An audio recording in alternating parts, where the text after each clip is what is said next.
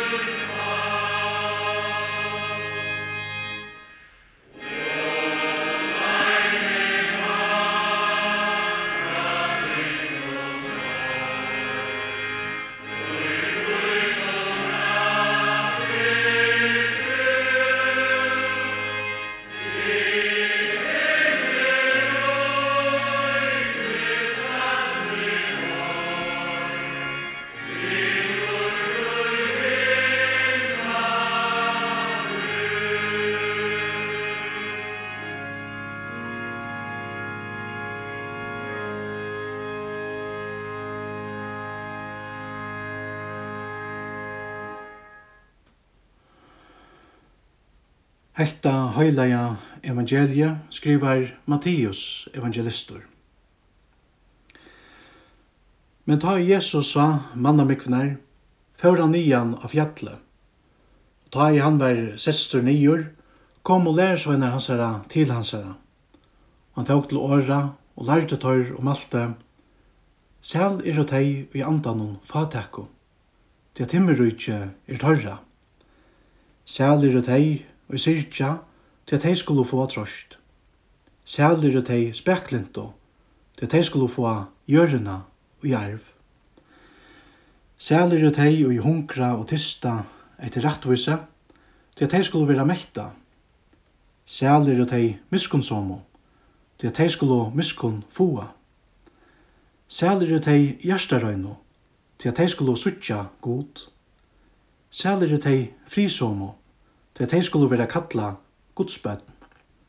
Sælir er de og være forfyllt for rettvise sætjer, til at himmelrykje er tørra. Sæl er og tid ta i de spottrekka tikkon og forfylltja tikkon, og vi liknar åren tala alt illt om tikkon for det mine sætjer. Glei tikkon og feknest, til at mykjel er løntikkara og i himmelen. Det er somløys forfyllt og profetnon og vi var undan tikkum. Høyla i feir, vi takka þær fyrir tutt høyla i år, år tutt til sannløyja, leta lys okkum vegin til sannløyka og sælu. Amen.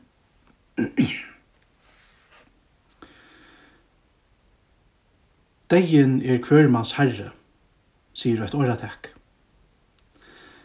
Men hovas vid fer etter fer, vera mynt av deians mått, kanskje særlig av slika det som i det. Så jeg var korsene øyne en gledebåskaper til okkon i det, om til sælo og en ståra kvita skæra. Alla halkana sunnu dag minnes vi ein særlig en hatt, akkurat kæro, som nu er løtt til kviltar ute i kyrkjæren. Vi det er minni um tei og takka gode for alt det som han gav okkon, tjøknon okkara kæro, deio. Men er alt nu bara minner?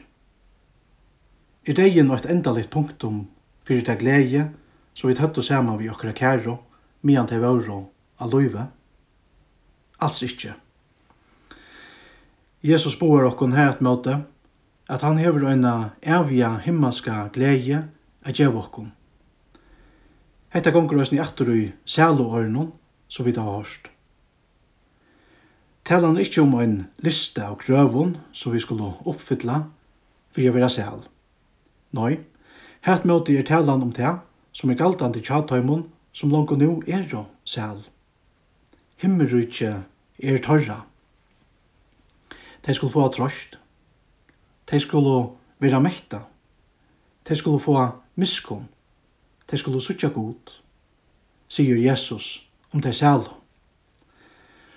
Men hverje er jo, så er det sælo, Guds spyrja. Etter den samme spørningren som vi da har hørt om og i lestren fra oppenberingsene. Og ta i til å være spørst hverje hesi er jo, så gjør jeg svære, hekter og tøyr, så kommer det er jo ur strongtene miklo, og hava tvige klei i sønne, og gjørst teg kvitt og i blåe lamsens. Hekta er jo teg sælo. Ikkje øyntan øynaste syndaplekteren er a suttja av hinn og langt kvitt og klævnun tja tøymon sælo. De hava jo tvie sunne klæje og Jesu blaue. De er jo røyn og rattvus. Ikke vi seg sjolvun, men vekna han så vær særtur tørra synda vekna og sundurbrotten tørra misgjera vekna. Ja, Jesus han er okkara rattvoise. Jesus er okkara frelsa. Jesus er okkara evia sæla. Etla så vidt av sunnje, og løy med ta fra sint og sorg, og i kviton rettferskru, til himmelrujtjes glasseborg, til dørt og i himnabu. Herren hever lett jokken ur okkara sinta dolka og klævon, og giv jokken rettferskru og i stegin. Og hevast vit det om det mestja til syndina og jokra løyve. Og hevast djevelen og akar okkon fyrir just hesar syndene det om det, så kunne vi korsne og i frumøve takk under vi profeten og Jesaja, ta han sier, Staurun er gledjest og i herran om, om god mun fegnast mun sal, til at han hever lærte meg og i frelsubjona, svøypa meg og i rattlattes kyrkjom. Vi kunne lyda fullt og fast da at Jesu blå rønser okkon fra atleir sind. Hans er blå er frelsebonen tjatar om sælo. Båskaperen om teg selo og en ståra kvita skæran høyma og i himla talar bort inn i okkara tilvero. Og i hese løyvnån kjenner vi det jo så vel til saknen etter okkara kæro deio. Men Jesus talar bort inn i okkara sorg og sakn. Han boar okkom at han hevur eina gleði at geva okkom som ongantoy kan vera tidsin fra okkom aftur. Han hevur eina eviga gleði at geva tær og mer. Eina gleði yvir at møttast aftur. Og er det ikkje æsne just hekta som det høyla snur seg om? Gleðin yvir at vera saman vi tøymon som vi elskar, og sorgen iver jeg skulle sige farvel vi teg, ta degen gjør seg kaltante. Det er ikke bileren, det er ikke huset, det er ikke pengene, så vidt i degen noen hava så trobult å sige farvel vi. Nei, det er okra kæro. Vi elskar okra kæro. Vi vilja ikke skiljast fra døymon. Vi vilja alltid være saman vid døymon. Og det er just hesa glede som Jesus vil gjøre okkom. Hesa glede er vera suttje okra kærer og attor, og at vera saman vi tar mun alltid. Og så lær vi Jesus da østne sjolvor, vi vujtjante tær og mer. Han vil vera saman vi okkom alltid og gledast. Og han hefur goldet den størsta prysen for at trytja bæg i okkom og seg sjolvon hesa glede gleina yfir at møtast aftur og at vera saman, alltoi. Ta Jesus var krossfestur, deigur og gjerravor, tøktist öll vånen tja lærersvein noen om a suttja Jesus aftur at vera ute. Ta er bægir lærersveinanir som var av aveti til Emmaus, påskada, lysa òsne vel sorgina og vånløse som Jesu krossfesting og deie bær vissar. Avveges til Emmaus, snakka og hesser lærersvennerne om det som var hent vi Jesus og i Jerusalem. Medan tar snakka og kom Jesus sjolver til tøyra og fylltes vi tøymon av løyene. Men da kjente han ikke aktor på en av veien. Og da Jesus spurte tøyr hva tøyr snakka om, stekka og tøyr dæprer i asjån og fortalte honom om alt det som var hent. Men vi vevna av at han var han og skulle, skulle løse ut Israel, søttedår. Fyrir tøy var gleden og vevnen nå bliven til tatui. Nå tøktest alt av vera ivestegi. Men det som hese bæir sorgafullt og menner ikkje var og grøyer iver, var at det var sjálfur hinn opprisne og livande frelsaren som nu gikk vi tørra li og ta hetta gekk upp fyrir dæmon, brøttist alt. Gleien og vånen som Jesus hei lova dæmon, var nu til ein livande verilega. Søttene i evangelien etter Johannes lesa vi til dømes. Men ta i komi vær at kvölde henta sama fyrsta dag i vikene, og mia dittnar her som lærersvennanir vauro, var lastar av økta fyrir jødnon, kom Jesus og stå mitt i middeltøyra, og sier vi tar, frigjør vere vitikon. Og ta i han hei sagt hekta, sundi han tøymon hendurnar og søyna. Nu var hun lærersvennerne glæger, ta i tar sjå og herran. Stenda skriva. Jesu opprøsjen brøkti alt fyrir lærersvennerne og fyrir allan heimen. Hetta mesjer jo at degin alls ikkje er eit endaligt punktum fyrir okkara glede. Hetta undersøkja Paulus òsne, han sigur, men nu er Kristus risen opp fra deion, som frumgrauren av taimon, som saunar i bostur. Hetta vil sija, at vi skulle rysa opp fra deion, lykka som Jesus rysa opp fra deion. Og lykka som hinn opprystne Jesus sa sina viner aktor, og tørsjå han, så skulle vi tøysene vi trunne av Jesus så ikke okkara kære og atter. Så langt vi er jo her av folk, vita vi at sorg og saknor øysene koma at gjøre seg galdande i okkara løyve. Men Jesus talar som sagt bort inn i okkara tilvero og ber okkom på om eina avia sælo og glede heima i himmelen. I dag minnas vit hinne deio. Men ta vit minnast hinne deio, må vi òsne minnast han som han sigur at deianon. Jesus røs opp, og vit røs opp og gjerra sel saman vi honom. Hette er hin livande vånen som vit øya og Jesus. Og for jokkon er deien tøy alls ikkje enden. Det kjemur òsne ein opprøsna daur og en er lustet her nekka såleis.